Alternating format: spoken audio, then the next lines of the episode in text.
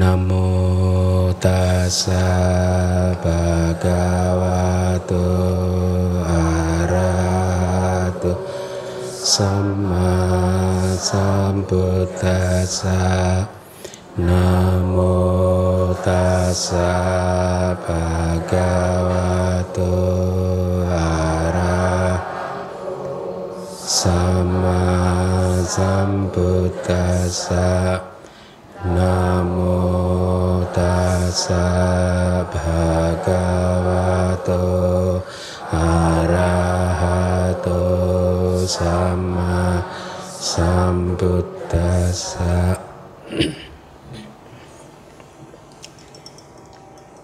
Baik, selamat malam uh, semuanya. Semoga Anda semua dalam keadaan yang sehat ya.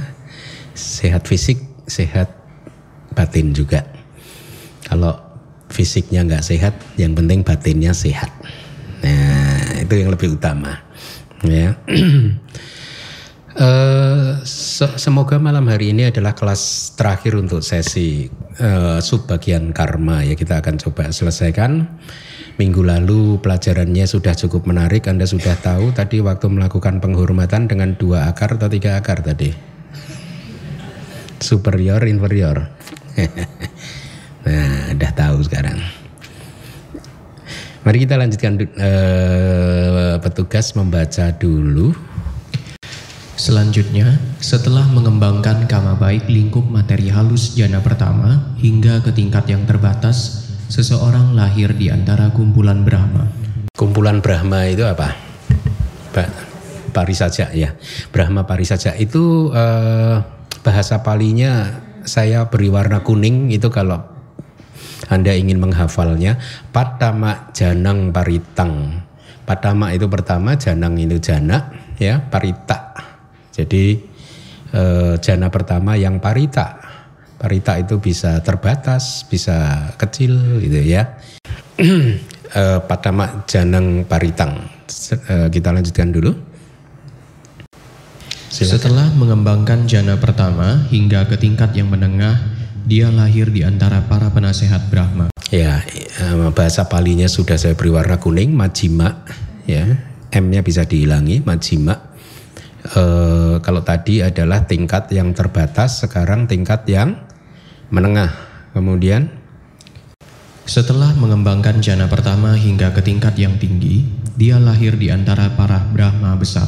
Panita bahasa palinya itu ya. Jadi eh, Anda diperkenalkan dengan terminologi baru bahwa di dalam buat mereka yang menguasai jana itu untuk setiap jana itu ada tiga tingkatan yang berbeda yaitu parita, majima dan panita. Ya jadi nanti akan dijelaskan makna dari tiga level penguasaan jana itu apa saja ya.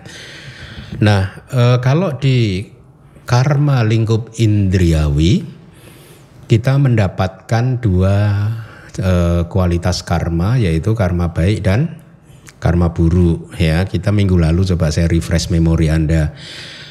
Karma buruk dulu ya. Yang melakukan karma buruk adalah cetana yang muncul bersama dengan aku salah cita ya. Tetapi dalam konteks sebagai produser penghasil patik sandi ya.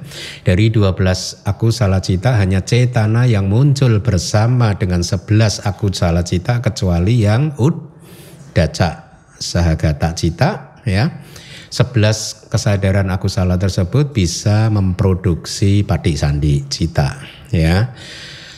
Uh, tetapi dalam konteks pawati ya saya ingatkan lagi karma berbuah di dua momen kan ya yaitu patik sandi momen momen patik sandi dan juga momen pawati. Pawati itu kejadian. Bahasa Indonesia kejadian sehari-hari melalui kejadian sehari-hari. Jadi ini adalah buah karma yang muncul persis setelah lenyapnya Padik Sandi hingga eh, persis sebelum kemunculan cuti cita. Ya kira-kira begitu ya.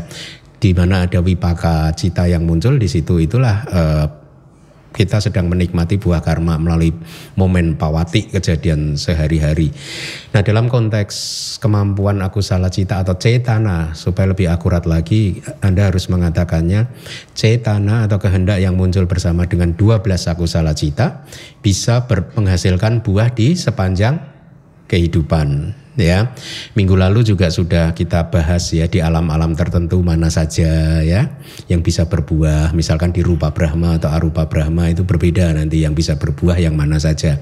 Artinya karmanya mungkin tercipta tetapi tidak sempat berbuah selama makhluknya berada di alam-alam tersebut.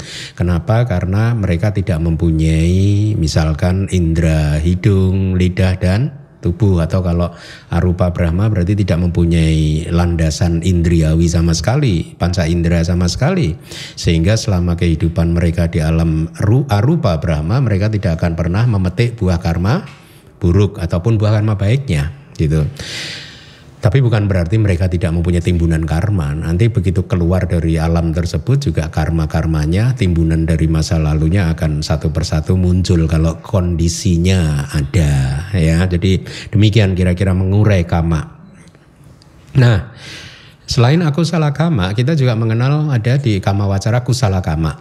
Yang melakukan kama kusala, kama yang baik adalah cetana yang muncul bersama dengan delapan maha kusala cita. Minggu lalu kita sudah mulai bagi delapan maha kusala cita atau kama kama baik tersebut menjadi kama tiga akar, dua akar, masing-masing dibagi lagi menjadi dua superior dan inferior itu yang saya ingin Anda mulai perkuat pemahaman Anda dan pengamatan Anda di dalam kehidupan Anda sehari-hari gitu ya.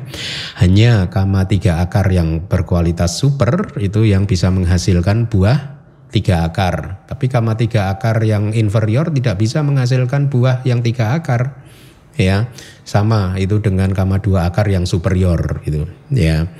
E, kemudian kama dua akar yang inferior bahkan e, dia hanya bisa memproduksi ahituka saja kan buahnya ya.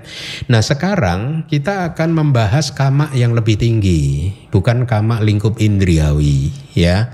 Kama lebih tinggi, artinya apa? Ini rupa wacara kama dan arupa wacara kama. Itu kama yang lebih tinggi ya. E, di rupa wacara kama kusala ya kita tidak membedakan kusala atau akusala. Kalau untuk kama rupa wacara dan kama arupa wacara karena semua kama rupa wacara dan arupa wacara itu selalu kusala ya. E, kita sudah sekarang diperkenalkan dengan tiga level penguasaan jana ya yang nanti akan membawa konsekuensinya masing-masing. Ya, inilah mengapa kalau di kelas pertama itu selalu saya masih ingat saya menyampaikan semacam uh, apa ya motivasi. Untuk memotivasi Anda saya mengatakan Abhidhamma ini adalah jalan paling pendek tersingkat untuk memahami ajaran Buddha. Ya, karena bayangkan Anda baru dua tahun mempelajari Abhidhamma saja, efeknya kan seperti yang sudah Anda rasakan. Ya, uh, ada poin yang lain adalah bahwa begitu memahami Abhidhamma, ya, maka kita bisa mengelola kehidupan ini dengan lebih baik lagi ya. Karena apa? Karena kita sudah mulai memahami proses kehidupan kita bagaimana bekerjanya cita cetasika dan rupa kita ya.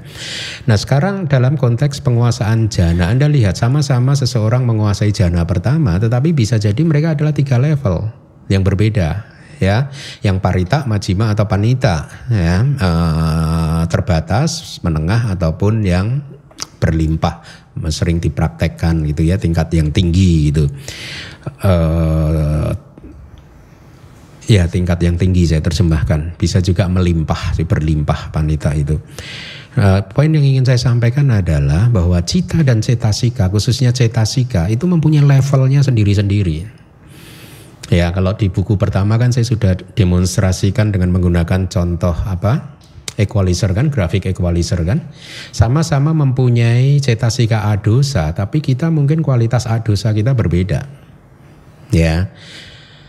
Ada yang adosanya di level 100, ada yang 90, ada yang bahkan mungkin hanya 5, 0,5 dan seterusnya. Ya. E, nah masing-masing itu menghasilkan buah yang berbeda-beda. Jadi bukan berarti setelah sama-sama kita melakukan kama tiga akar berbarengan semuanya tiga akar nanti buahnya kualitasnya sama sama-sama manisnya belum tentu. Karena kombinasi cetasikanya itu ada di level keberapa saja yang terlibat. Kemudian juga ya kombinasinya ya. Nah sehingga efeknya berbeda dan ini sekarang sudah diperjelas lagi dengan syair yang ada di Abhidhamma Sanggaha, seseorang sama-sama menguasai jana yang pertama, pernah mengini ke jana yang pertama, efeknya juga bisa berbeda-beda. Seperti yang nanti kita akan lihat kenapa berbeda karena level penguasaannya berbeda-beda. Ya.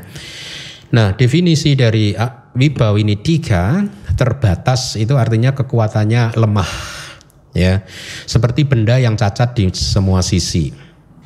Kalau di dalam uh, praktek uh, ini seseorang sudah pernah mencapai jana, tetapi untuk bisa masuk lagi itu butuh usaha yang keras, susah. Kadang berhasil, kadang gagal, kadang berhasil, kadang gagal. Itu ya.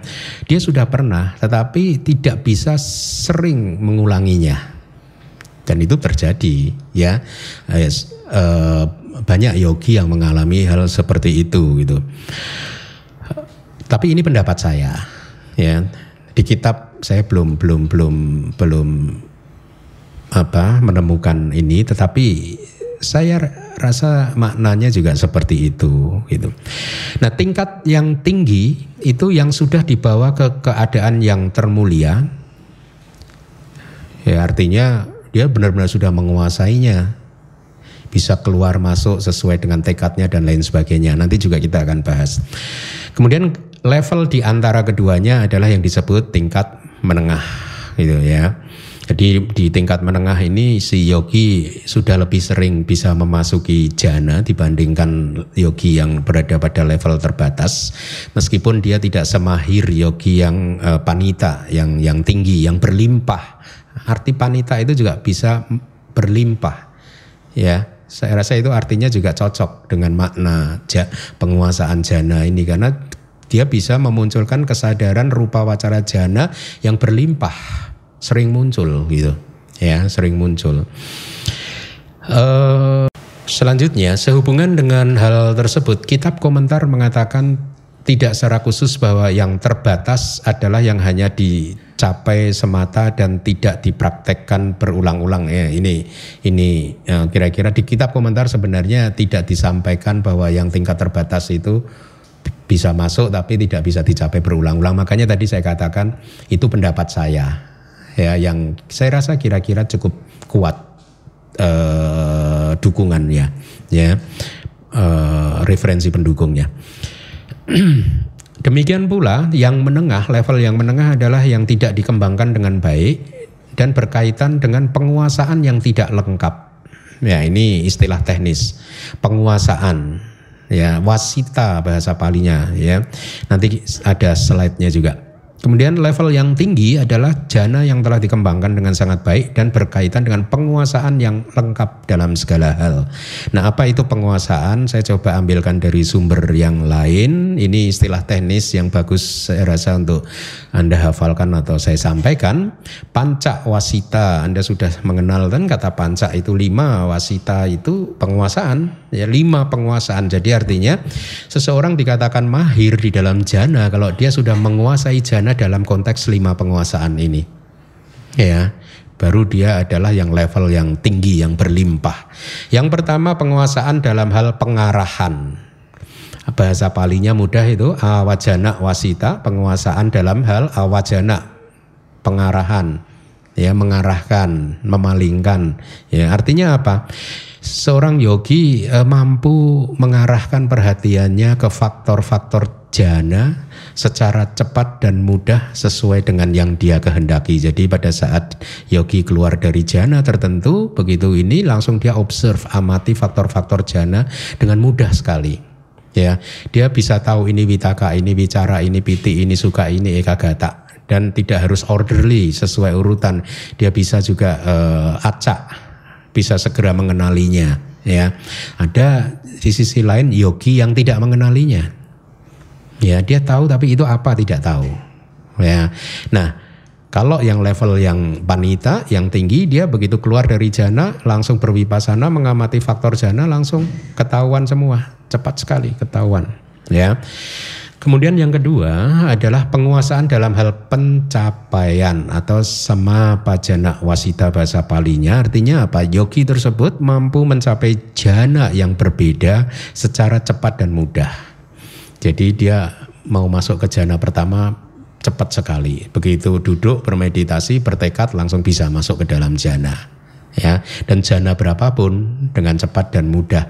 Kalau Anda baca buku Kama uraian tentang abinya, kesaktian duniawi, di sana sudah saya sampaikan kan bahwa untuk menguasai abinya itu sedemikian sulitnya kan kalau Anda baca buku tersebut ya. Dia bisa lompat jananya jana satu jana tiga jana eh, katakanlah jana kelima kalau dalam konsep abidama bisa acak bisa lompat ke sana kemari begitu. Itu yang dimaksud penguasaan dalam pencapaian atau sama pajana wasita. Yang ketiga adalah penguasaan dalam hal uh, dalam resolusi untuk membuat tekad. Resolusi artinya bahasa palinya itu ada adidana wasita artinya adalah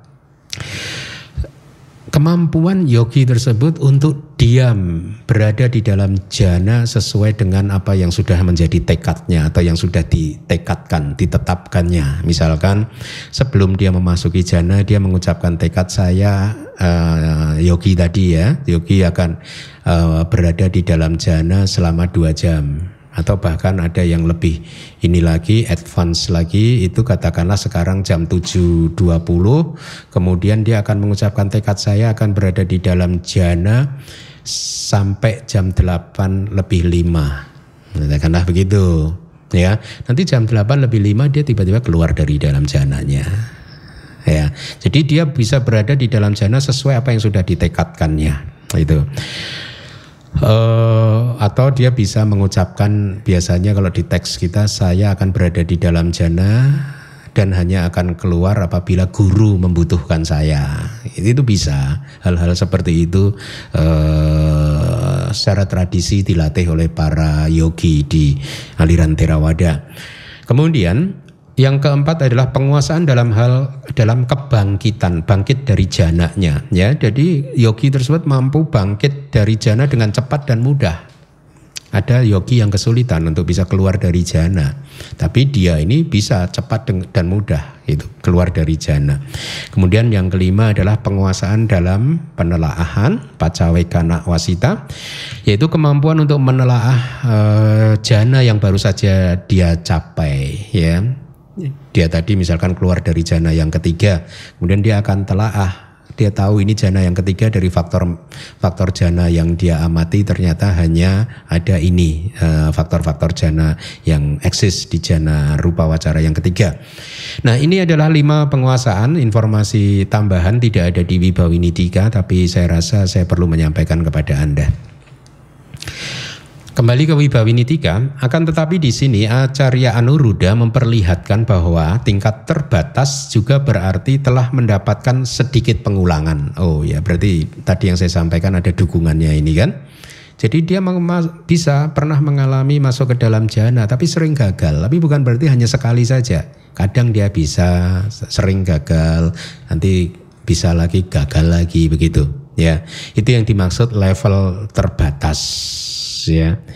Uh, nah ini agak teknis. Level terbatas adalah level penguasaan meditatif atau penguasaan jana yang dihasilkan dari hasrat, energi, kesadaran dan investigasi yang inferior atau rendah. Uh, ini adalah pelajaran bab 7 atau bab 8. Ya, bab-bab akhir. Kita nanti akan mempelajari padhana. Di dalam padhana itu ada 24 hubungan pengondisian.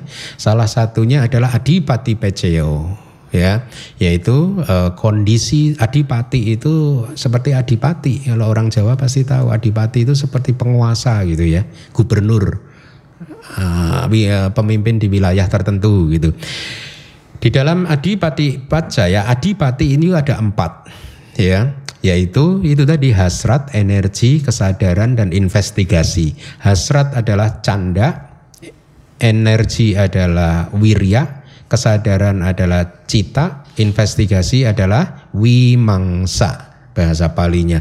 Jadi ini adalah empat adipati.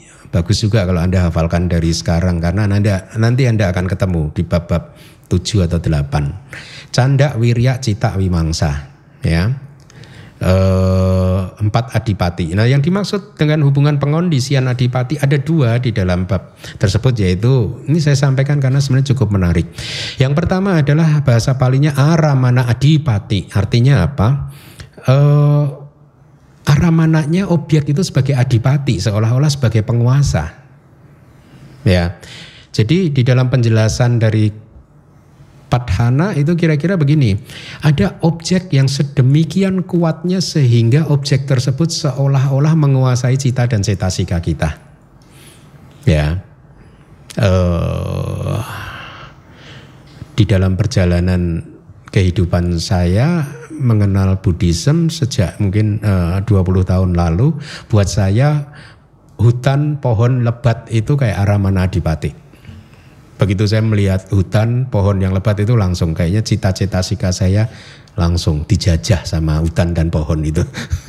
Artinya begini, akan memunculkan dorongan ya e, untuk terus misalkan melihat hutan, ingin tinggal di hutan, menjadi seorang biku yang tinggal di hutan dan sebagainya. Jadi e, atau di dalam teks disebutkan ada seseorang per, pertama kali melihat Buddha rupa, rupa Buddha seperti ini ya Kemudian sejak hari itu cita dan cetasikanya incline kepada Buddha.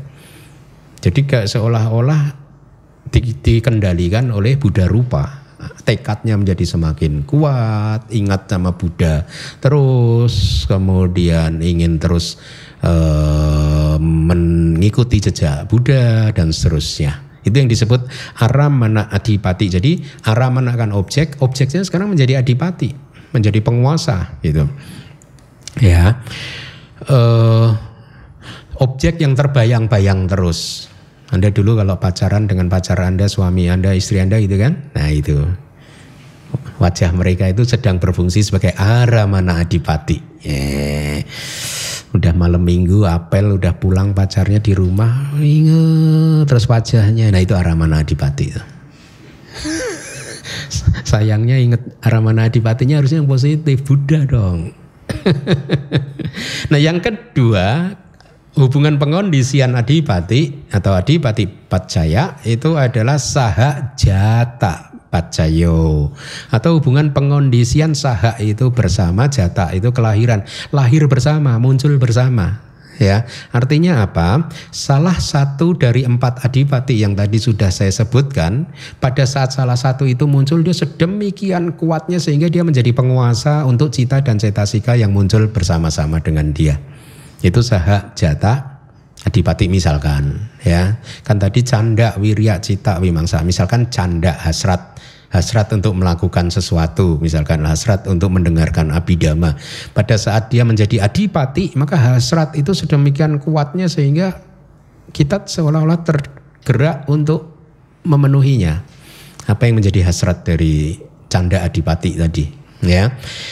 Nah, saya sampaikan hal ini supaya anda, uh, saya rasa karena bagus dan dan dan hmm, bermanfaat, ya. Uh, tapi Jangan khawatir kalau Anda belum memahaminya karena nanti di bab-bab akhir kita akan membahas ini juga ya. Jadi di dalam kehidupan nanti pada saat sampai ke Patijak, Samupada dan Padana itu menarik sekali. Anda akan semakin kayak oh Oh begitu kaget oh begitu ya kayak kemarin oh ada tiga akar oh ada dua akar oh ada super oh ada inferior belum belum shock malam itu kan begitu besoknya mau praktek waduh Duh ternyata inferior terus. Baru tahu. nah sama pada saat nanti belajar patijak sama pada dan padana akan menarik tapi rumit sayangnya itu. Kita lanjutkan. Dibaca dulu. Dengan cara yang sama, setelah mengembangkan jana kedua dan jana ketiga hingga tingkat terbatas, dia terlahir di antara para dewa di alam kemilau yang terbatas. Rita bak bahasa ini. Jadi ini kalau yang terbatas itu nanti lahirnya kira-kira di bumi jana yang sesuai tetapi yang level yang pertama. Yang pertama, yang bumi yang pertama. Kalau tadi kan Brahma Pari saja kan. Nah ini Paritaba. Ya. Kemudian silakan. Setelah mengembangkannya hingga tingkat menengah, dia lahir di antara para dewa di alam kemilau tanpa batas. Setelah paritaba itu apa? Apemana ba. Jadi bumi jana kedua yang kedua juga ya. Meskipun levelnya sama tetapi tentu kualitas cita-cita sikanya yang muncul di sana juga berbeda ya. Kemudian setelah mengembangkannya hingga tingkat tertinggi, dia lahir di antara para dewa di alam kemilau yang berseri. Bahasa palinya abasara. Ya, ada tuh di, di, di layar ya. Nah, kita sampai di jana yang kedua dan ketiga tadi. Nah, kenapa? Di situ disebutkan jana kedua dan ketiga.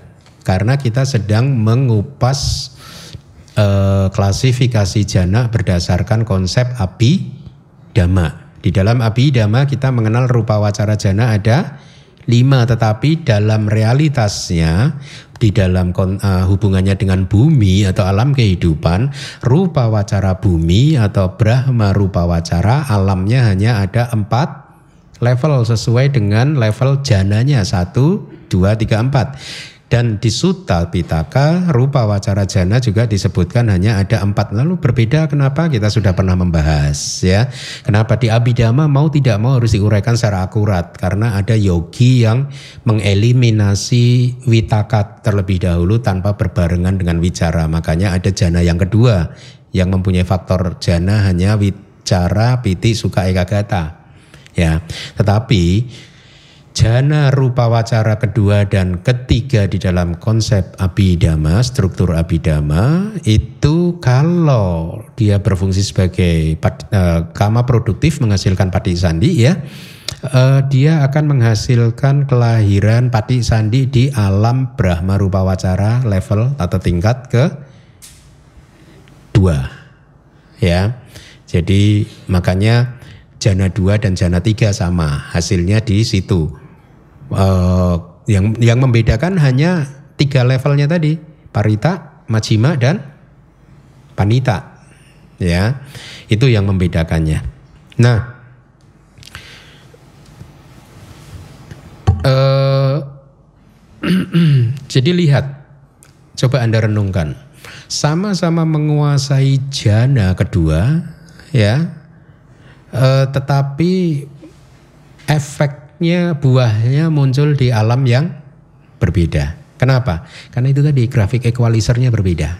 Ya. Dan ini berlaku untuk kehidupan sehari-hari kita juga. Ya, makanya kalau sedang berbuat baik usahakan sobana cetasika yang muncul pada saat itu itu pada level top semua gitu. Ya, maksimal. Nanti speakernya meledak bantai kalau itu. Enggak. Nah, jadi dalam berpraktek dana, sila dan lain sebagainya kita juga harus mengembangkan, melatih supaya sobana cetasikanya itu maksimal. Ya, oke, silakan dilanjutkan lagi.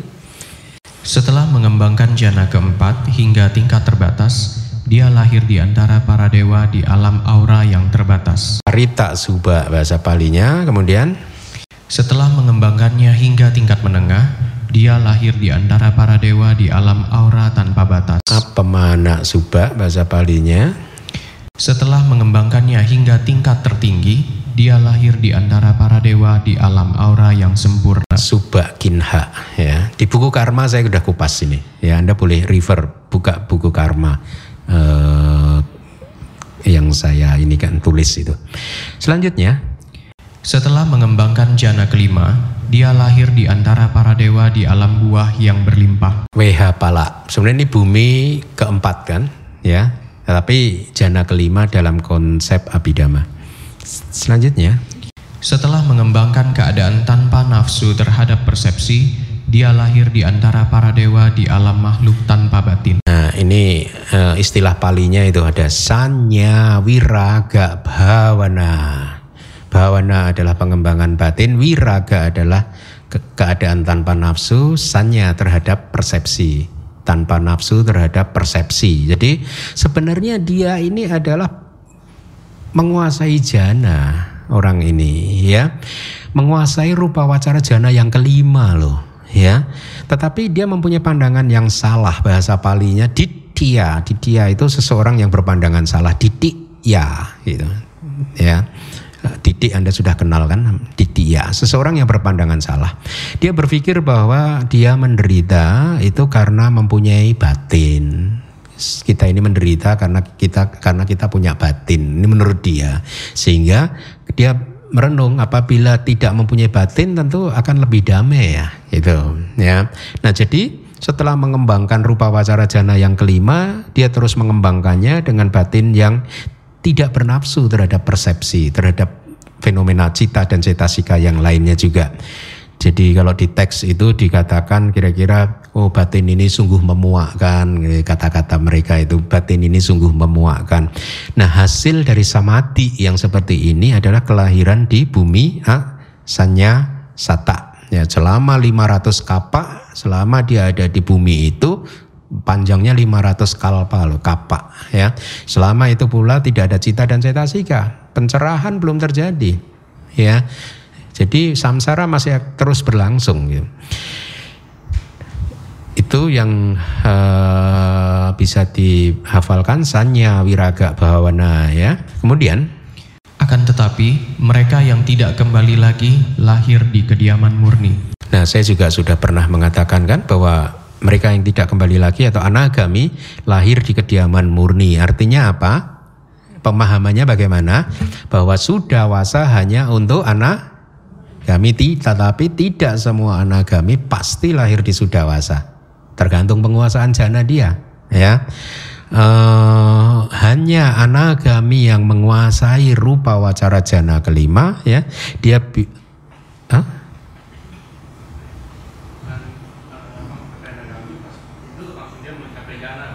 Kenapa?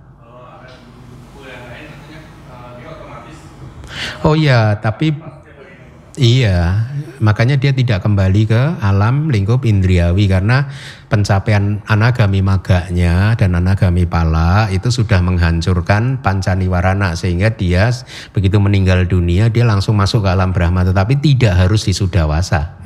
Itu yang poin yang ingin saya sampaikan. Ya, dia bisa di rupa Brahma e, bumi yang pertama, kedua gitu. Ya. Uh, ya, jadi teks mengatakan anagami hanya lahir di Sudawasa tapi hanya yang menguasai rupa jana yang kelima. Kalau dalam konsep abidama. Tapi kalau dalam konsep empat jana ya jana ke empat. Ya saya, saya harap Anda tidak bingung di sini. Jadi anagami bisa lahir di alam Brahma mana pun. Ya. Mereka hanya yang pasti anagami tidak pernah lahir di kama wacara bumi. Paham ya? Kemudian silahkan. Setelah mengembangkan kama baik non materi, mereka lahir berturut-turut di alam-alam non materi sesuai pencapaiannya. Ya, saya rasa ini mudah juga. Kemudian dengan demikian, kebajikan yang lebih tinggi dianalisis berdasarkan buminya, melahirkan buah yang mirip baik di penyambung kelahiran kembali maupun di sepanjang kehidupan. Paham nggak? Jadi rupa wacara kama atau arupa wacara kama itu buahnya mirip. Ya. Kalau Anda masih ingat cita, cita rupa wacara kusala cita dan wipaka cita kan sama namanya. Ya. Arupa wacara kusala cita dan arupa wacara wipaka cita kan sama. Ini yang dikatakan buahnya mirip. Pada saat memunculkan penyambung kelahiran kembali, kalau dia rupa wacara jana yang pertama, maka buahnya adalah rupa wacara wipaka yang pertama. Mirip. Dan nanti di sepanjang kehidupan juga buahnya juga itu. Yang kan Pati Sandi Bawangga dan Cuti sama kan? Itu yang dimaksud di syair ini. Nah buahnya mirip dengan kata lain berbeda dengan kama wacara kama. Ya, kalau kama lingkup indriawi tidak harus mirip, tidak selalu mirip karena ada kama dua akar yang buahnya hanya tanpa akar kan berbeda kan? Ya, itu yang dimaksud. Arupa jana menghasilkan wipaka yang mirip uh, dan pati sandi di alam yang mempunyai nama yang sama semuanya ya uh, di khusus di arupa wacara yaitu akasa nencayatana uh, bumi nencaya tanah bumi kemudian akin ya tanah bumi dan newasanya na asalnya bumi. Namanya mirip, khusus untuk arupa. Kalau yang rupa mirip nggak namanya? Nggak beda kan ya. Nah eh, itu, mari kita lanjutkan lagi. Setelah mengembangkan jana yang kelima, rupa wacara jana yang kelima, setelah mengembangkan tiga kualitas jana yang kelima, yang tadi panita, kemudian majima, eh sorry, parita, majima, dan panita, tanpa pencapaian pengetahuan yang lebih tinggi artinya uh, dia tidak mencapai abinya karena kalau dia mencapai abinya nanti kejadiannya bisa berbeda ya. Uh, itu yang dimaksud akan tetapi yang mencapai pengetahuan yang lebih tinggi atau abinya dia tidak menghasilkan resultan hmm? oh ya karena abinya itu tidak menghasilkan patik sandi kan? Ya, apinya tidak menghasilkan patik sandi. Hanya jana biasa yang menghasilkan patik sandi. Itu maksudnya. Akan tetapi, dan inilah mengapa saya skip, uh, saya break pause sebentar. Guru-guru Theravada setahu saya tidak menganjurkan yogi untuk menghabiskan waktu untuk menguasai apinya karena sayang waktunya ya kalau anda baca di buku karma itu kan untuk menguasainya aja sulit kayak gitu itu. Dan itu bisa nggak tahu bisa berapa tahun itu. Kecuali orang-orang tertentu yang paraminya kuat. Tapi secara umum guru-guru saya do saya do tidak akan pernah mendorong uh, jarang yang mendorong untuk lang, uh, yogi untuk menguasai apinya. Di samping mencapainya sulit merawatnya juga sulit. Manfaatnya juga tidak buat apa sih? Sakti kalau masih menderita. Hah? Ya, kan yang penting happy ya. Ah, yang penting hatinya damai, kilesannya nggak ada. Gitu ya. Akan tetapi mereka yang tidak kembali lagi atau anagami lahir di Sudawasa. Para makhluk suci anagami yang mengembangkan jana kelima dalam tiga tingkatan ya. Ketika masih putu jana ya, artinya waktu masih putu jana dia mengembangkan jana kelima dalam tiga tingkatan atau sesudahnya artinya setelah dia mencapai nagami ya dia akan lahir di lima kediaman murni lima sudawasa ya dengan pembeda adalah indria indrianya yaitu berturut-turut sadda wirya sati samadhi dan panya. Ini yang disebut panca indria atau di digabungkan jadi pancindria gitu ya. Sada wirya sati sama dipanya dan saya harap anda mulai menghafalkan ini karena nanti akan ketemu terus pancindria ini ya. Nah dikatakan di sini dia lahir di mana? Kan kita mengenal lima sudawasa kan. Yang pertama apa? Yang paling rendah? Awiha. Awiha ya. Awiha itu apa? Bahasa apa Indonesianya tahan lama ya apabila anagami tadi memiliki sada yang lebih dominan dibandingkan indria-indria yang lain ya maka anagami itu akan lahirnya di awiha. Ya kalau bukan sadanya yang dominan tetapi wiriaknya yang dominan maka dia lahirnya di sudawasa yang berikutnya yaitu atapa. Atapa ya awiha atapa ya. Ya awiha atapa dia lahir di sana karena wirianya dominan. Tetapi kalau satinya dominan maka dia akan lahir di alam sudawasa yang bernama sudasa. Ya. E, yang ketiga kan sudasa itu alam yang sangat indah gitu. Kalau samadinya yang dominan dia akan lahir di alam berikutnya yaitu sudasi. Sudasi itu apa? Eh, penglihatan yang jernih, seseorang yang memiliki penglihatan jernih, makhluk yang mempunyai penglihatan jernih. Kalau panyanya yang dominan, dia akan lahir di alam sudawasa yang tertinggi, akanita, akanita, ya alam yang tertinggi, ya. Jadi itulah yang membedakan. Sekarang anda tahu kenapa sudawasa dibagi lima, karena itu adalah untuk anagami dengan indria-indria tertentu yang dominan ya. Selanjutnya Tadi ada kata-kata berturut-turut, itu artinya setelah mengembangkan jana arupa yang pertama, berurutan mereka lahir di bumi arupa yang pertama. Kalau jana arupa yang kedua, dia akan lahir di arupa bumi yang kedua. Kalau arupa jana yang ketiga, dia akan lahir di arupa bumi yang ketiga, arupa jana yang keempat dia akan lahir di arupa bumi yang keempat itu yang dimaksud berturut-turut gitu. Akan tetapi ketika ada keinginan, nah ini putu jana dan yang lahir di mana pun uh, putu jana dan yang lain artinya makhluk lain makhluk suci yang bisa lahir di mana pun selain di kediaman murni sesuai dengan tingkatan jana yang hmm? akan tetapi ketika ada keinginan putu jana dan yang lain artinya makhluk suci yang lain kecuali uh, apa anagami yang lahir di Sudawasa ya.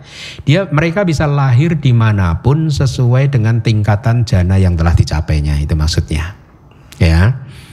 Jadi saya harap paham. Dengan cara seperti itu kelahiran di alam indriawi pun juga melalui kekuatan kama lingkup indriawi. Seperti yang telah disampaikan wahai para biku harapan di hati seorang yang berakhlak baik berhasil dicapai melalui kemurniannya sendiri. Artinya kalau ada seseorang uh, menguasai jana ya tetapi dia tidak berhasil mempertahankan jananya di uh, proses kognitif menjelang kematian maka orang tersebut akan lahir di kamawacara bumi.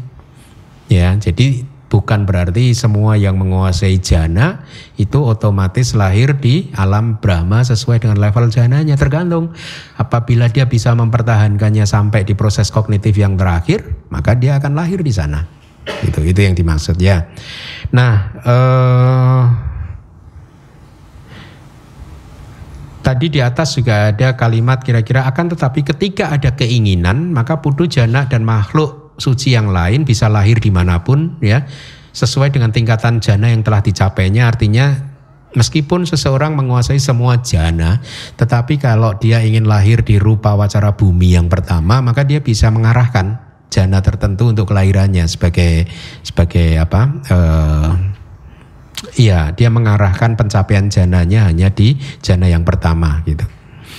Dan di tradisi Theravada biasanya di para guru mengajarkan mereka yang menguasai semua jana untuk benar-benar bisa mengendalikan eh, menguasai jananya supaya nanti tidak terlahir di arupa bumi.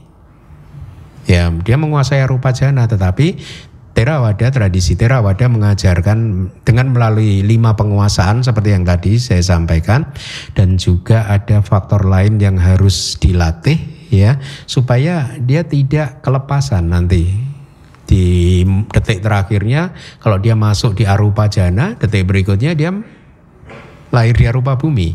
Kalau dia putu jana rugi. Ya ya ya jadi itulah uh, yang diajarkan di tradisi Theravada.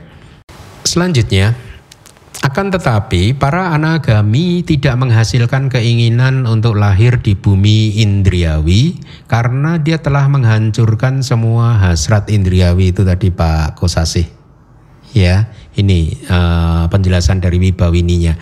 Kenapa anagami tidak lahir di atau pasti lahir di alam Brahma karena hasrat indriawi sudah hancur.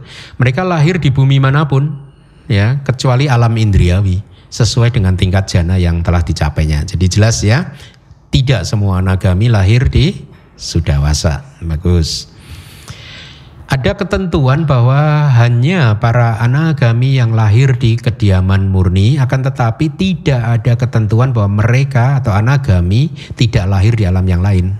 Sama ya dengan yang tadi sudah saya sampaikan.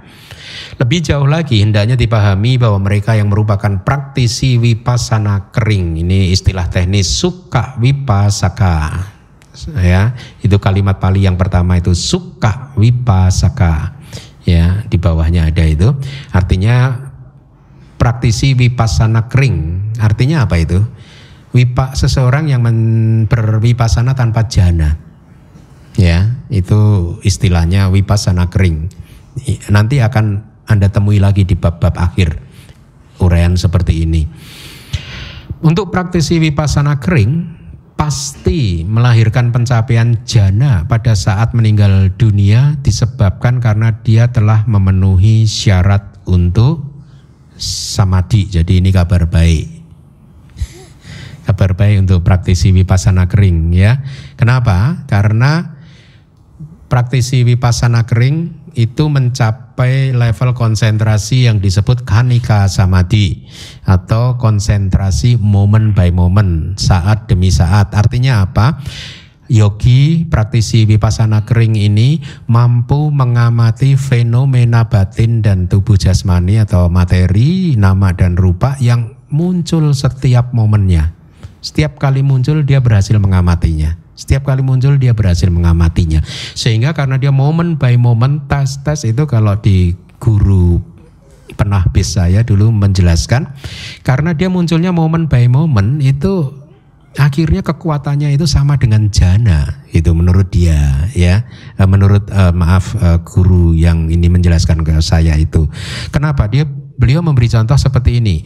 Air hujan ya yang jatuh ke atap uh, rumah pada saat dia menetes itu kan pertama kan satu satu kalau hujannya tidak deras kan satu satu terputus kan tetesannya kan? Ya tetapi begitu hujannya deras itu jadi seperti garis lurus kan? Ya padahal itu terdiri dari tetesan satu-satu tapi cepat sekali Nah, nah kanika samadhi yang sudah berkembang sedemikian rupa kekuatannya seperti itu. Jadi benar-benar dia bisa menekan pancani warana karena momen by momen cepat sekali gitu. Ya. Karena kekuatan dari kanika samadhi adalah menekan panca niwarana, ya Anda masih ingat kenapa disebut niwarana atau rintangan, perintang, perintang. Disebut niwarana karena Dhamma-dhamma ini lima ini adalah satu merintangi pencapaian sama-sama di. Ya. Kedua, karena panca niwarana ini merintangi kelahiran di surga loh. Nah, alam dewa loh. panca niwarana ini. Huh? Merintangi kelahiran di alam yang lebih tinggi. Ya, alam dewa dan ke atasnya. Ya, dan maka dia sebut niwarana, perintang, penghalang. Ya. Uh, saya ulangi lagi, praktisi vipassana kering pasti akan melahirkan pencapaian jana pada saat dia meninggal dunia apabila dia bervipassana. Ya. Disebabkan karena dia telah memenuhi syarat untuk samadhi yaitu apa? Syarat untuk samadhi tertekannya panca ni warana. Ini dari Wibawinidika. Ya. Kemudian dan juga di sini oleh karena alam buah besar satu, kedua akanita dan non materi yang keempat yaitu newasanya nasanya ya tanah bumi berarti ada berapa alam? Tiga alam. Kalau bahasa palinya weha pala, akanita dan arupa bumi yang keempat. Anda bayangkan struktur 31 alam. Ya, bayangkan dari struktur 31 alam kita bisa bedakan ada tiga tempat yang dikatakan tertinggi. Ya.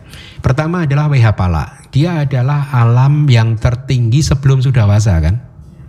Paham ya? Ya sebelum sudah wasa. Kemudian setelah itu dari sudah wasa sendiri yang tertinggi apa? Akanida. Dia tertinggi. Kemudian dari 31 alam ini yang naik lagi tertinggi apa? Arupa Brahma yang ke Empat. Tiga alam ini penting sekali. Ya, Wihapala, Akanida, dan Newasanya, Nasanya, ya tanah bumi atau arupa bumi yang keempat. Kenapa penting? Ya, karena eh, ketiga alam ini disebut kehidupan yang terkemuka. Bahasa palinya saya beri warna kuning itu seta bawa bawa. Seta bawa bawa atau kehidupan dengan kualitas yang terkemuka kalau kita mau mau akurat terjemahannya. Seta bawa bawa kehidupan dengan sifat atau kualitas yang terkemuka. Maka garis bawah para makhluk suci yang lahir di salah satu dari tiga alam tersebut dia tidak akan lagi lahir di kehidupan lainnya. Ini signifikansinya kalau seorang sotapana lahir di WH maka dia akan mencapai tingkat arahat di sana. Itu kehidupannya yang terakhir. Dia tidak akan lahir lagi di kehidupan yang lainnya. Ya. Kemudian demikian pula dengan sakadagami dan anagami atau kalau dia lahir di akanita, anagami lahir di akanita. Ya. Maka setelah kelahirannya dia langsung parinibbana. Karena ini adalah sedak bawa-bawa kelahiran dengan sifat kualitas yang sedak. Sedak itu mulia, tertinggi, terkemuka gitu. Kayak Buddha ini adalah makhluk yang sedak yang termulia, terkemuka gitu. Atau orang suci yang lahir di arupa bumi yang keempat, maka dia jadi arahat di situ. Ya, sudah tidak akan lahir lagi di alam yang lainnya lagi. Itu maksudnya. Ya, bagus ya. Hmm.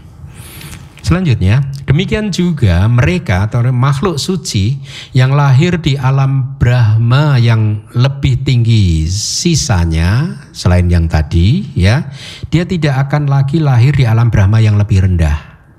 Jadi akan naik terus. Jadi sekarang tahu ya logikanya ya. Kalau ada sotapana lahir di rupa Brahma uh, rupa bumi yang pertama, jana yang pertama, sotapana. Ya, dia menghabiskan waktu kehidupannya di sana ya.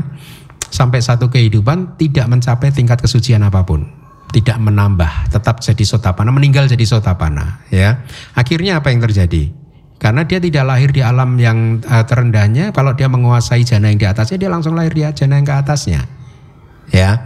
Kalau dia di jana kedua belum lagi mencapai arahata dia akan naik lagi sampai nanti ketemu wehapala begitu ketemu wehapala dia langsung selesai di sana.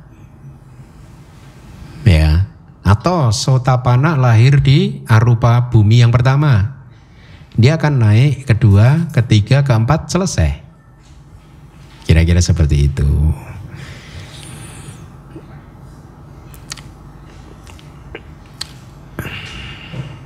sebenarnya ada satu slide yang saya hapus.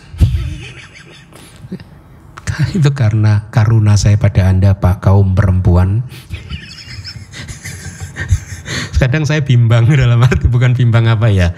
Sebagai akademisi saya harus menyampaikan tetapi kadang sebagai seorang yang mengembangkan karuna kadang saya harus bertimbang untuk perlu nggak disampaikan? Ya perlu nggak? Ya akhirnya kemarin saya saya cabut satu tapi sampaikan nggak ya nggak usah lah rahasia rahasia rahasia ada rahasia jurus rahasianya Hah? Ada jurus rahasianya. Hmm? Diprotes ya? Ntar diprotes ya? Hah? Eh, provokator. Ya intinya begini, seorang perempuan ya eh, yang telah mendapatkan delapan pencapaian lahir hanya di Brahma Pari saja. Intinya begitu. Uh, di buku Karma sebenarnya sudah saya sampaikan ya. Tapi ada ini saya akan lagi cari pendukung-pendukungnya yang kuat. Lady Sayado kemarin saya buka bukunya para mata di Bani. Beliau tidak mengatakan seperti itu bahwa perempuan juga bisa lahir di arupa Brahma gitu. Ya cuman saya tidak menemukan dukungan di kitab induknya. Itu makanya saya drop dulu. Tapi kira-kira begitu. Di buku karma juga ada si perempuan nanti lahirnya di Brahma Pari saja. Maaf ya perempuan ya nggak apa-apa lah oke okay lah bagus. Nah, toh menguasai jana juga. Hebat juga kok bisa lahir di Brahma. Ya, tapi sebenarnya Lady Sayado menyampaikan sedikit berbeda sih. Cuman saya belum berani menampilkan karena khawatir kontroversi. Saya tanya beberapa teman saya, teman saya juga nggak menjawab yang di Myanmar. ya, jadi kira-kira seperti itu. Makanya saya tidak mau menyampaikannya. Anda kaum perempuan harus mengapresiasi saya. Ayo sekarang apresiasi. Oh, saya itu kasihan loh sama Anda. nah, jadi makhluk suci yang sudah lahir di alam Brahma sudah tidak mungkin turun lagi makhluk suci. Kalau yang belum suci ya bisa dari alam Brahma lahir jadi manusia. Tapi yang menarik dari alam Brahma meskipun belum suci, dia tidak bisa langsung lahir di apa ya. Jadi ada buffernya sekali masuk ke alam manusia. Nah tergantung berjuang lagi di alam manusia. Kalau gagal meningkatkan kusala kamanya, paraminya ya dia bisa turun ke bawah. Ya itu bonusnya lahir sebagai Brahma. Kalau putu jana.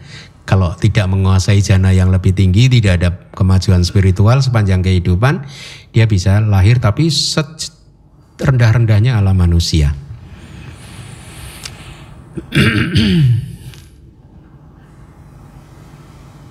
Tetapi putu jana yang lahir di alam Brahma, dia tidak bisa juga lahir di alam Brahma yang lebih rendah sama. Karena para Brahma tidak melatih jana yang lebih rendah. Itu syairnya. Para Brahma tidak melatih jana yang lebih rendah.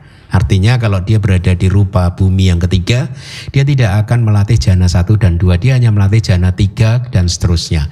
Kalau gagal dia turun ke manusia, alam manusia. Gitu. Jadi sudah lengkap ya Pak Kosase? Dah bagus. Hah? Aduh. Ini bagus untuk dihafal ini.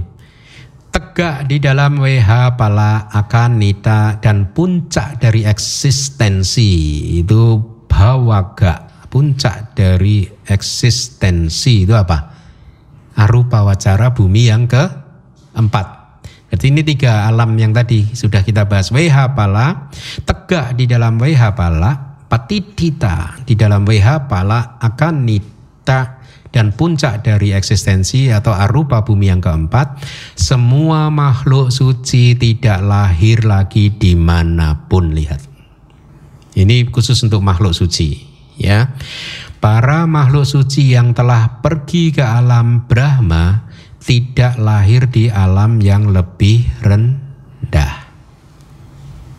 Kalau yang putu jana masih bisa, tapi tidak alam Brahma yang lebih rendah. Ya. Tapi kalau Arya dia tidak lahir di alam yang rendah. Ya. Apa pun, baik itu alam kamawacara atau alam Brahma itu sendiri. Kenapa? Karena dia akan naik naik naik sampai ke tiga alam salah satu dari tiga alam yang terkemuka tadi wh pala akan nida dan arupa bumi yang keempat. Itu. Kemudian ini ada lagi kita analisa yuk tabel ini bagus sekali. Mungkin untuk Pak Pranoto juga bisa nanti dibantu untuk membuat tabel versi bahasa Indonesianya. Saya lupa loh. Padahal saya dulu beberapa kali ketemu Bantai Bodi ya, Biku Bodi yang mengarang ini lupa minta izin. minta izin untuk oh ini tabelnya melanggar hak cipta enggak ya? Dimodifikasi ya Pak. Jangan sama persis. Nanti saya ada rencana ke sana lagi mungkin kalau ingat saya akan minta izin beliau. Mari kita lihat tabel ini kolom ya ini ya kolom pertama ya. Sublime volitions artinya apa? Cetana yang muncul bersama mahagata cita kusala sublime itu mahagata atau ya luhur. Tapi saya terjemahkan uh, akurat aja mahagata gone to the great artinya pergi ke yang lebih tinggi gitu. Saya ini kan kolom pertama adalah cetana yang muncul bersama Mahagata Kusala Cita. Kolom yang kedua adalah realms of existence atau alam kehidupan atau bumi ya. Kemudian kolom yang ketiga adalah rebirth Pati Sandi, Bhawangga BHV, Dead DTH Dead Cuti Cita ya. Jadi kita analisa. Yang pertama nomor 6, first jana atau jana yang pertama rupa wacara jana yang pertama yang inferior kalau menghasilkan padik sandi dia akan menghasilkan padik sandi di alam Brahma retinue. Tadi sudah kita bahas ya pari saja ya. Berupa apa? Buahnya berupa first jana resultant. Jadi uh, rupa wipaka cita yang jana yang pertama ya. Yang medium itu yang di Brahma Purohita, Brahma Minister ya yang superior akan melahirkan pati sandi kelahiran di alam maha Ma. Nah, buah atau wipaka citanya sama. Ya, sama-sama first jana resultant atau resultan jana yang pertama sama, tapi efeknya di buminya berbeda. Itu ya. Kemudian nomor tujuh yang di bawahnya second jana atau rupa jana yang kedua dibagi tiga grade lagi inferior, medium, and superior menghasilkan uh, alam yang berbeda. Tadi juga sudah kita bahas, tapi lihat rebirth, bawangga dan death consciousnessnya sama. Second jana resultant sama. Demikian pula yang ke bawah juga sama, yang third jana juga sama, logikanya fourth jana juga sama, kemudian yang fifth jana ya yang normal hmm? apa ini normal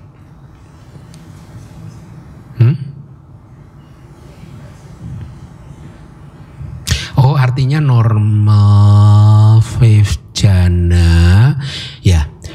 Baik itu yang parita majima maupun panita tiga level mana pun yang normal ya dia akan menghasilkan patik sandi di wehab pala atau great reward itu bahasa Inggrisnya berupa resultan uh, fifth jana resultant ya. Tetapi yang tidak normal itu artinya ini berarti fifth jana with this passion for perception. Itu yang menghasilkan kelahiran di aksanya tak bumi.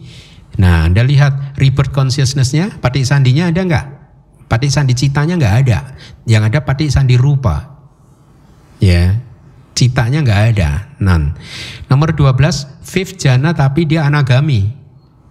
Ya, maka dia akan lahir di uh, sudawasa pure abodes. Ya, sudawasa. Nah, ada lima alam tergantung pada indrianya mana yang dominan kan ya. Kemudian yang bawahnya adalah tentang arupa bumi, arupa jana ya. Base of infinite space. Jadi arupa kusala jana yang pertama akan melahirkan kehidupan di alam arupa yang pertama. Rebirth consciousnessnya buahnya adalah first arupa yang pertama wipaka yang pertama.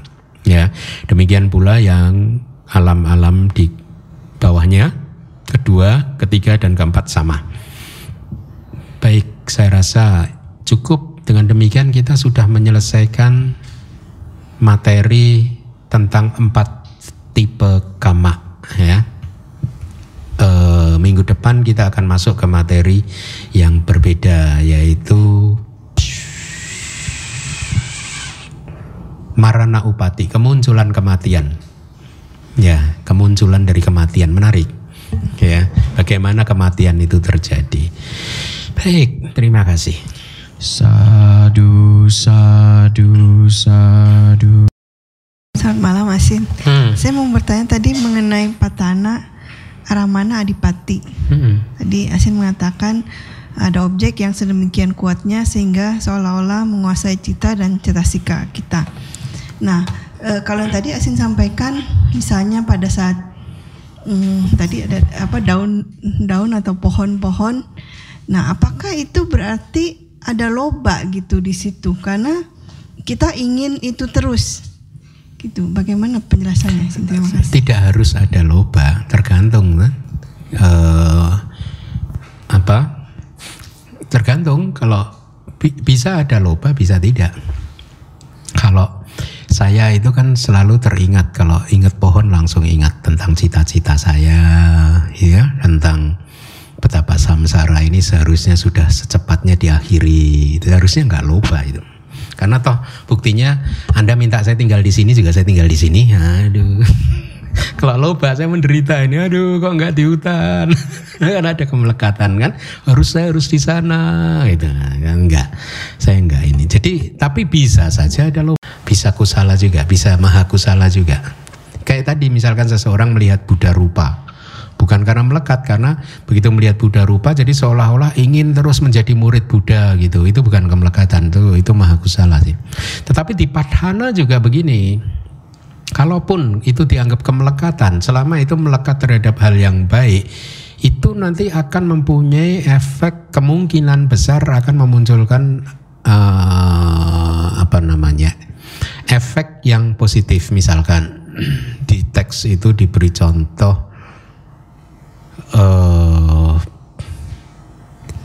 apa ya contoh? Oh, seseorang mencuri, aku salah kan? Seseorang mencuri, kemudian dia merenungkan akhirnya merasa muak dengan perilakunya. Ya, pada saat ada perenungan dan dia merasa muak, akhirnya dia bertekad supaya nggak mencuri lagi, maka saya harus jadi biku. Nah, terus dia jadi biku gara-gara perenungan itu tadi, dan singkat cerita akhirnya mencapai tingkat kesucian arahat. Nah itu di Padana juga dipelajari dari sesuatu yang aku salah nanti efeknya akan bisa memunculkan kusala. Jadi kadang ya makanya pelajaran-pelajaran seperti ini bisa membuat kita untuk tidak terlalu sering judgmental gitu ya menghakimi orang ya. Ya orang kadang berbuat salah saat ini gitu tapi bisa jadi itu menjadi efek yang baik di dalam kehidupannya gitu. Itu itu di Padana juga diajarkan. Itu bu. Hmm. Ya, ada lagi. Bante, uh, Andi mau tanya. Uh, tadi masih agak kurang jelas. Mohon penjelasannya lagi pada saat uh, untuk penjelasan syair ke-86 yang di mana meng, e, mengenai para makhluk suci anagami yang mengembangkan jana kelima dalam tiga tingkatan ketika masih putu jana atau sesudahnya lahir di lima kediaman murni. Apakah pengertiannya ini maksudnya uh, bagi putu jana yang melatih yang berhasil uh, mencapai jana kelima uh, kemudian dia mempertahankan proses kognitifnya itu sebelum uh, menjelang kematian dan terlahir di uh, bisa terlahir di alam sudawasa Bu, walaupun bukan jadi. Kalimat pertamanya tadi kan ada anagaminya dulu kan. Jadi oh, ya. anagami yang menguasai rup jana kelima. Hmm. Dia menguasainya baik itu waktu dia masih menjadi putu jana sebelumnya atau bahkan mungkin sesudah dia menjadi anagami. Ya, nah, waktu putu jana dia sudah menguasai jana kelima. Kemudian dia berwipasana kemudian mencapai anagami atau atau waktu menjadi anagami dia belum menguasai jana kelima. Mungkin dia praktisi wipasana kering atau hanya masuk ke jana pertama kemudian menggunakan jana pertama sebagai landasan berwipasananya jadi kan dia belum menguasai jana kelima ya. Tapi setelah menjadi anagami dia berlatih akhirnya menguasai jana yang kelima ya. Jadi untuk anagami yang menguasai jana yang kelima ini ya, dia akan lahir di situ. Kasih bantu sama-sama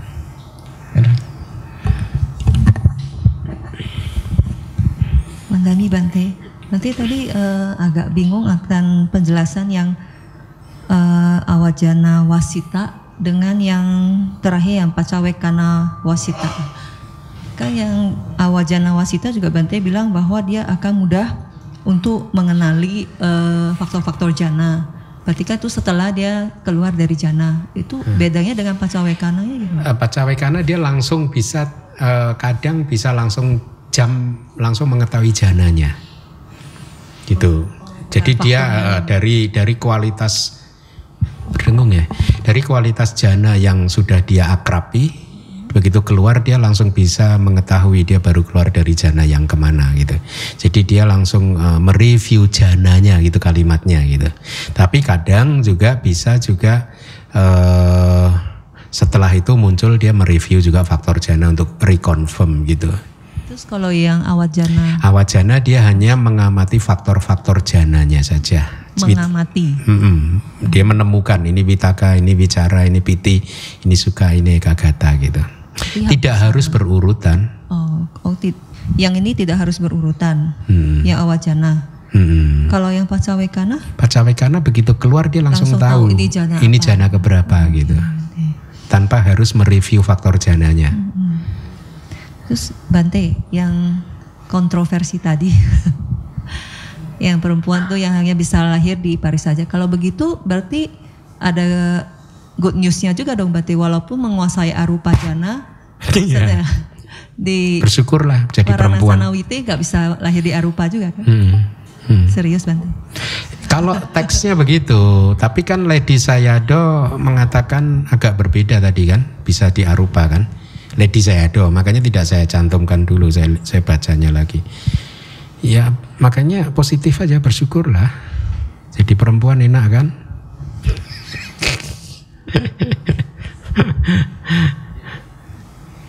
Kenapa Pak Kusase?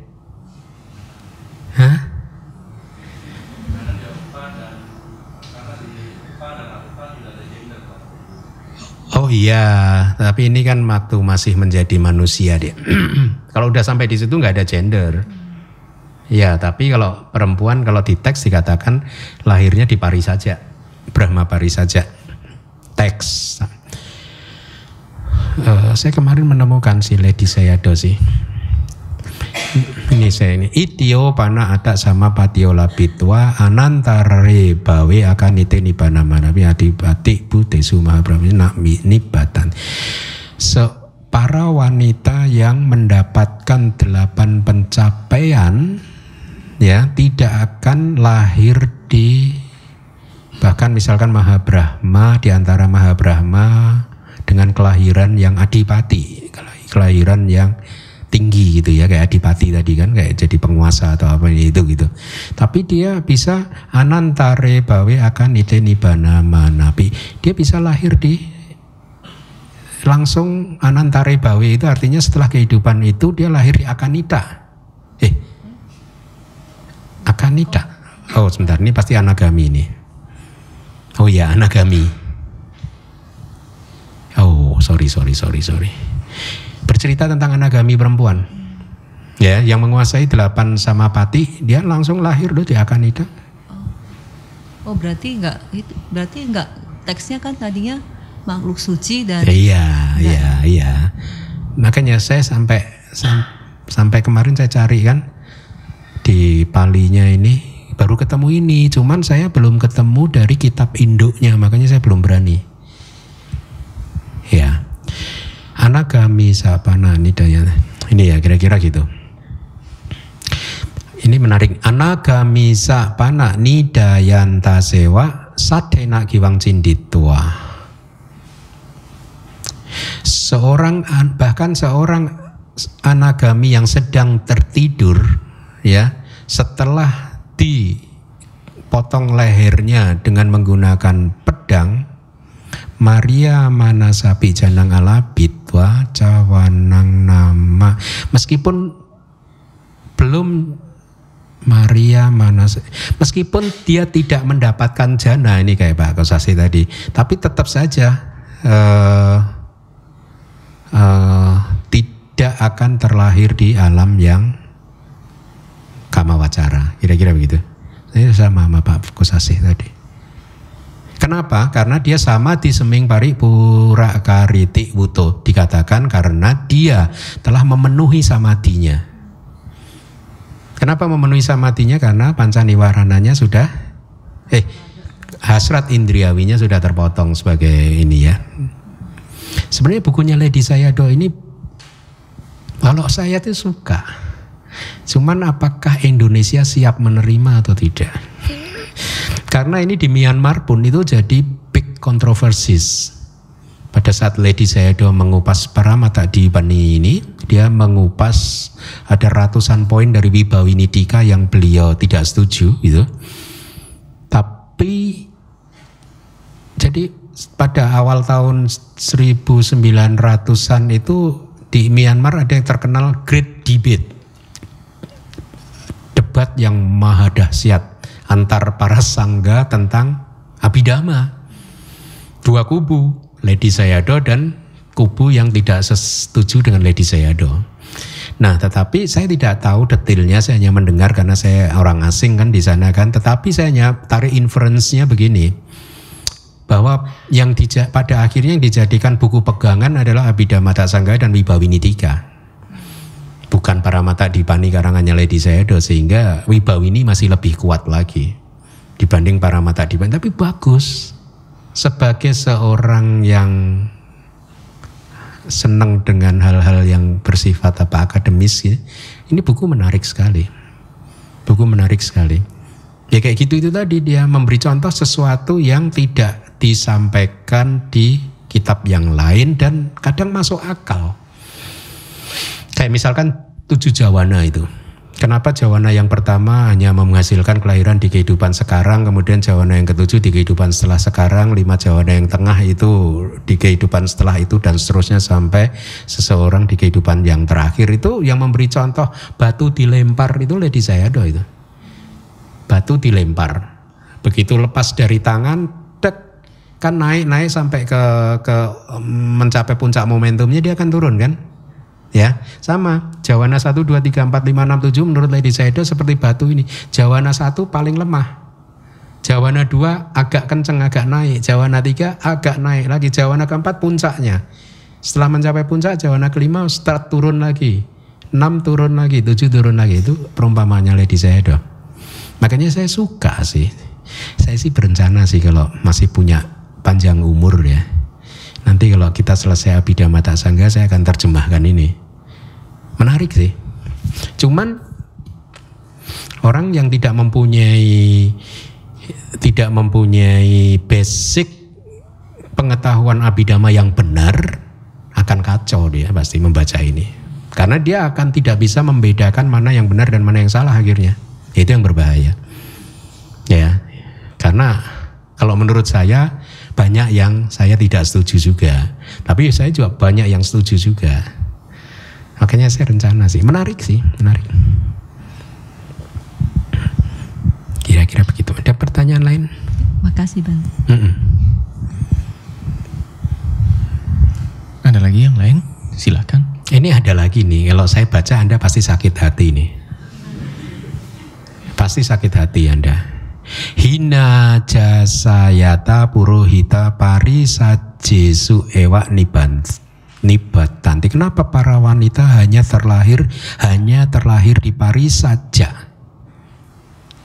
Mau tahu jawabannya? Nanti sakit hati. Nanti dosa mula cita. Hah? Nanti dosa mula cita.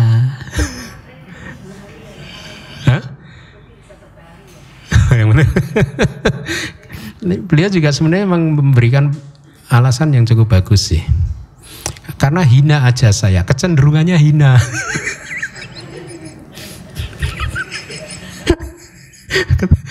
Sifatnya kecenderungannya hina. Sakit hati enggak? Oh syukurlah, bagus-bagus.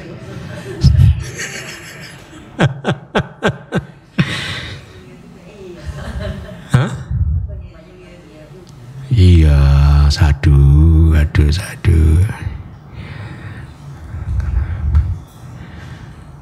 Iya, idi caida janang bawit pas. Setelah seorang perempuan mengembangkan jana ketika meninggal dunia, dia akan lahir di Brahma. Oh, pari saja. Oh iya ya. Nak Maha Brahma nanti utang tidak dikatakan lahir di Maha Brahma. Tapi Brahma Parisa Janti menurut beliau itu juga termasuk Brahma Purohita. Menurut beliau. Tehi Brahmanang Parisa Buta. Kenapa? Karena keduanya itu adalah termasuk eksistensi Parisa, pengikut, pengikutnya Maha Brahma. Jadi ya, lumayan baik lah kabarnya lah.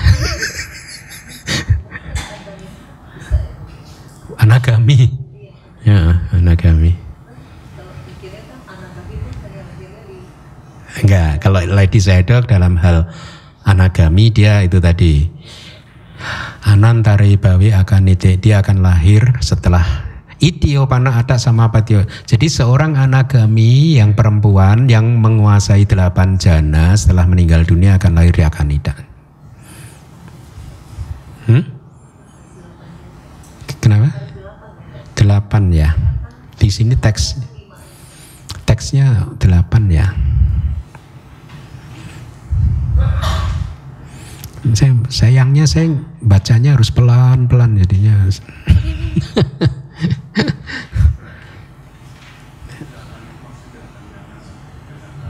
Iya. Iya. Sadu. Itu yang depan istrinya. Yang di depan? Oh, nggak ada masalah di rumah.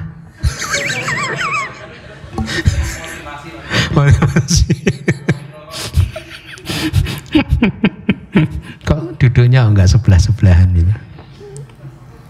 Enggak apa-apa ya. Silakan yang lain.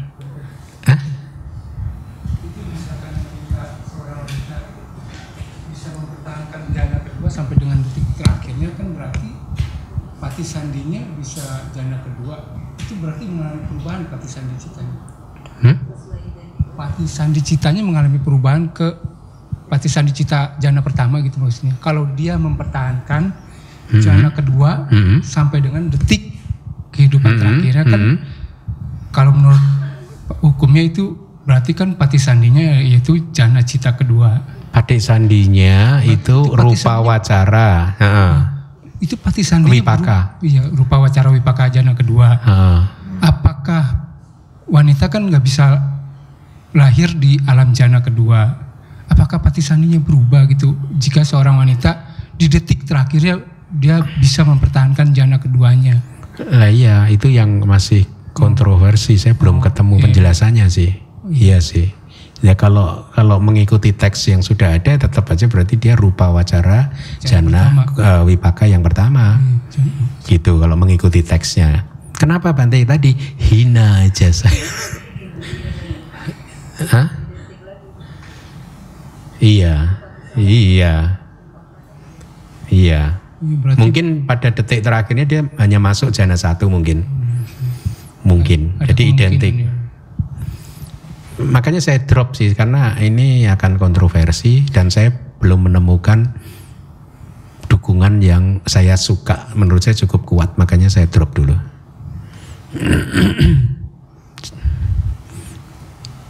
Kalau saya jawab ke Aling dulu karena ya mungkin wanita itu kan lebih lemah gitu. Maka dalam hal kekuatan jananya pun juga lebih lemah gitu. Hmm.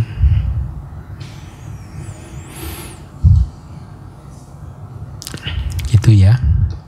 Ya, makasih Bante. Ya, ada lagi.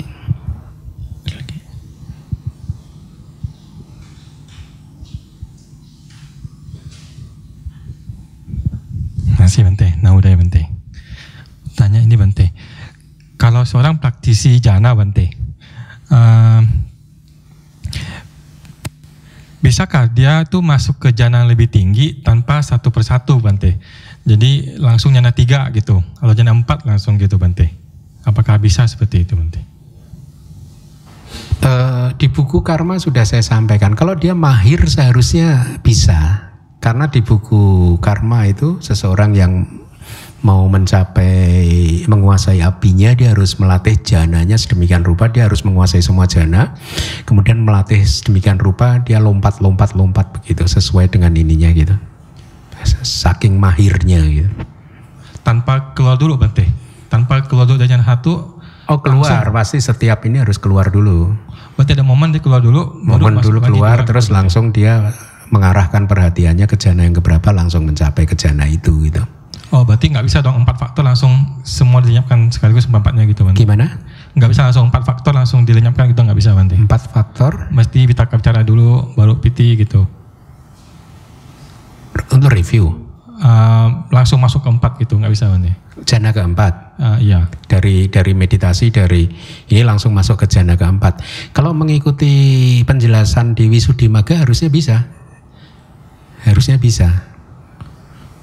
Oke Bante. Heeh.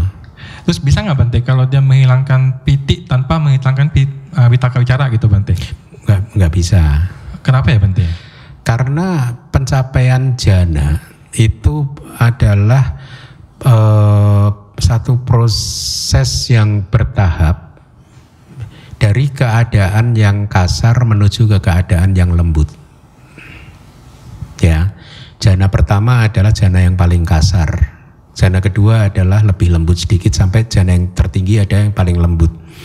Nah, kenapa kasar, kenapa lembut itu di eh, apa diwakili oleh faktor jananya. Jadi witaka itu kacar. Karena sifatnya witaka kan bergerak, bergerak. Ya, bergerak untuk menangkap, menempel, menancap di objek gitu.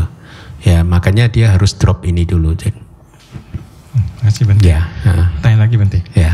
Eh, tadi Bante bilang kalau Brahma itu contoh dia lahir di alam Brahma jana tiga. Dia tidak bisa tidak bisa berlatih jana dua dan jana satu Jana- alam itu. Dia eh, teksnya mengatakan para makhluk Brahma tidak melatih jana yang lebih rendah. Bukan tidak bisa ya Bante. Eh, tidak melatih gitu. Tidak berlatih jana yang lebih rendah gitu. Nah maksud saya apakah pada saat Pati Sandi dia sudah terlahir tanpa Vitaka bicara piti gitu Bante? pada saat Pati Sandi lahir di jana ketiga gitu.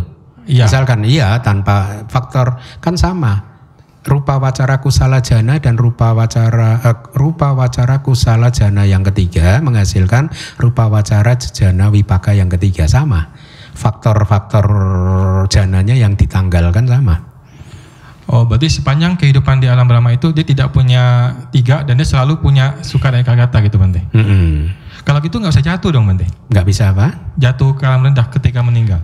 Oh tadi kan Pati Sandi, Bawangga dan cutinya kan selalu seperti itu. Pati Sandi, Bawangga dan cuti. Tetapi Pati Sandi, Bawangga, cuti ini kan terbebas dari proses. Ya, jadi di sepanjang kehidupannya dia masih muncul witi juga. Kadang juga manodwara witi, eh, proses kognitif pintu batin. Kadang kalau turun ke bumi atau melihat ke bumi dia memunculkan cakuk dwara witi atau pintu proses kognitif pintu mata atau pintu telinga kan masih bisa muncul. Gitu. Tapi di pati sandi bawangga dan cutinya sama semua sepanjang kehidupan.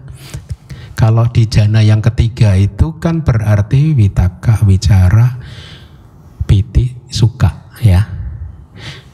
Ya ya, witaka, wicara, piti, sukanya kan hilang. Jana yang ketiga ya. Witaka dan wicara itu kan berarti di jana yang kedua. Piti, oh, witaka, wicara, piti. Jana ketiga. Oh, bumi oh, suta toh. Suta. Witaka, wicara dan piti tidak muncul di Pati Sandi, Bawangga dan Cuti. Tetapi di Witi Cita sehari-harinya ya masih bisa muncul. Gitu. Oke, ngasih Ya. Satu kan- lagi Bante. Oke, oke. Eh, Bante, terus tadi kalau anagami, Bante, dia kan lahir di lima alam berdasarkan indrianya. Nah, seorang anagami kalau dia berarti, contoh dia berarti eh, dia kuat di sada, terus dia mencapai maga, gitu Bante. Terus sepanjang kehidupan yang berikutnya, di, masih di kehidupan ini nih, dia berlatih Maga apa ini? Anagami maga. Ah, iya ya, soalnya dia dia putu jana, dia dia berlatih, terus pada saat dia mencapai maga, dia kuat di sada gitu Bante.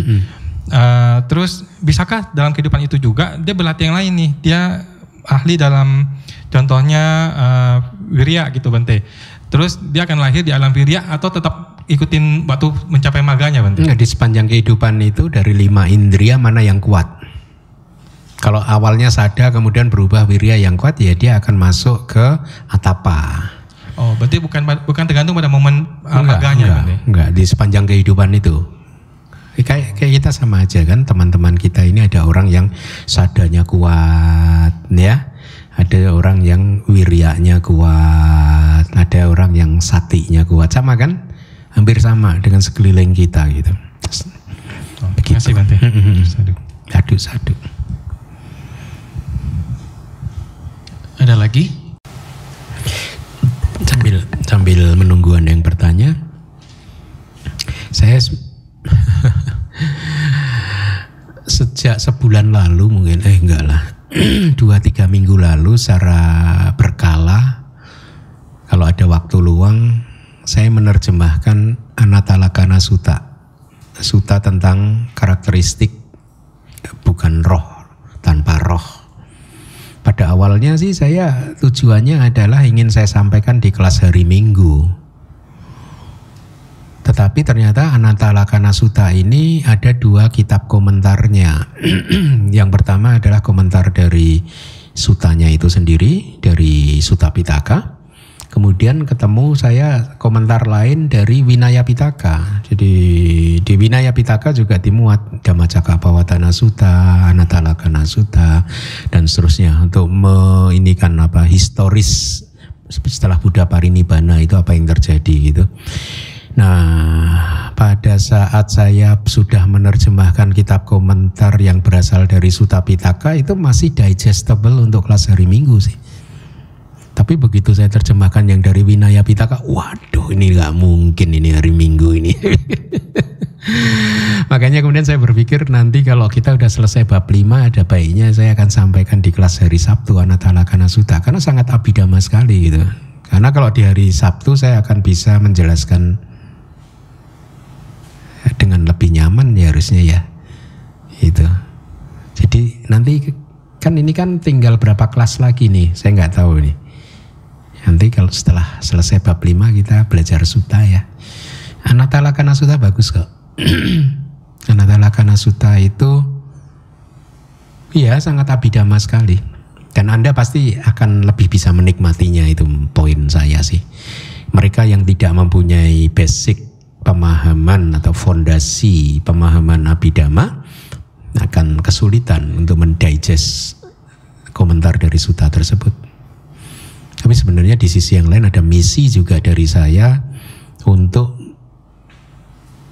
uh, apa itu memberitahu pada Buddhis di Indonesia bahwa sesungguhnya abidama itu penting.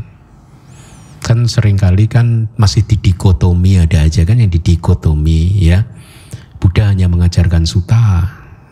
Abidama bukan ajaran Buddha.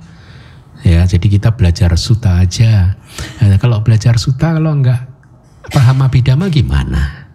Karena kitab-kitab komentar itu banyak sekali penjelasan tentang suta itu yang dijelaskan dari aspek abidama seperti yang nanti akan Anda lihat atau atau kelas besok deh hari Minggu itu nanti akan ketemu juga abidamanya gitu. Besok mungkin enggak ya, tapi akan nanti akan lama-lama ketemu juga ciri abidamanya gitu. Jadi sebenarnya menurut saya poinnya adalah Tripitaka itu satu kesatuan. Makanya disebut Tripitaka enggak dwi, dwi pitaka. Dua keranjang tiga keranjang. Jadi kalau dikotomikan apa dipisahkan ini suta, ini abidama, ini suta ajaran Buddha, abidama bukan ajaran Buddha tidak tepat juga. Tidak tepat.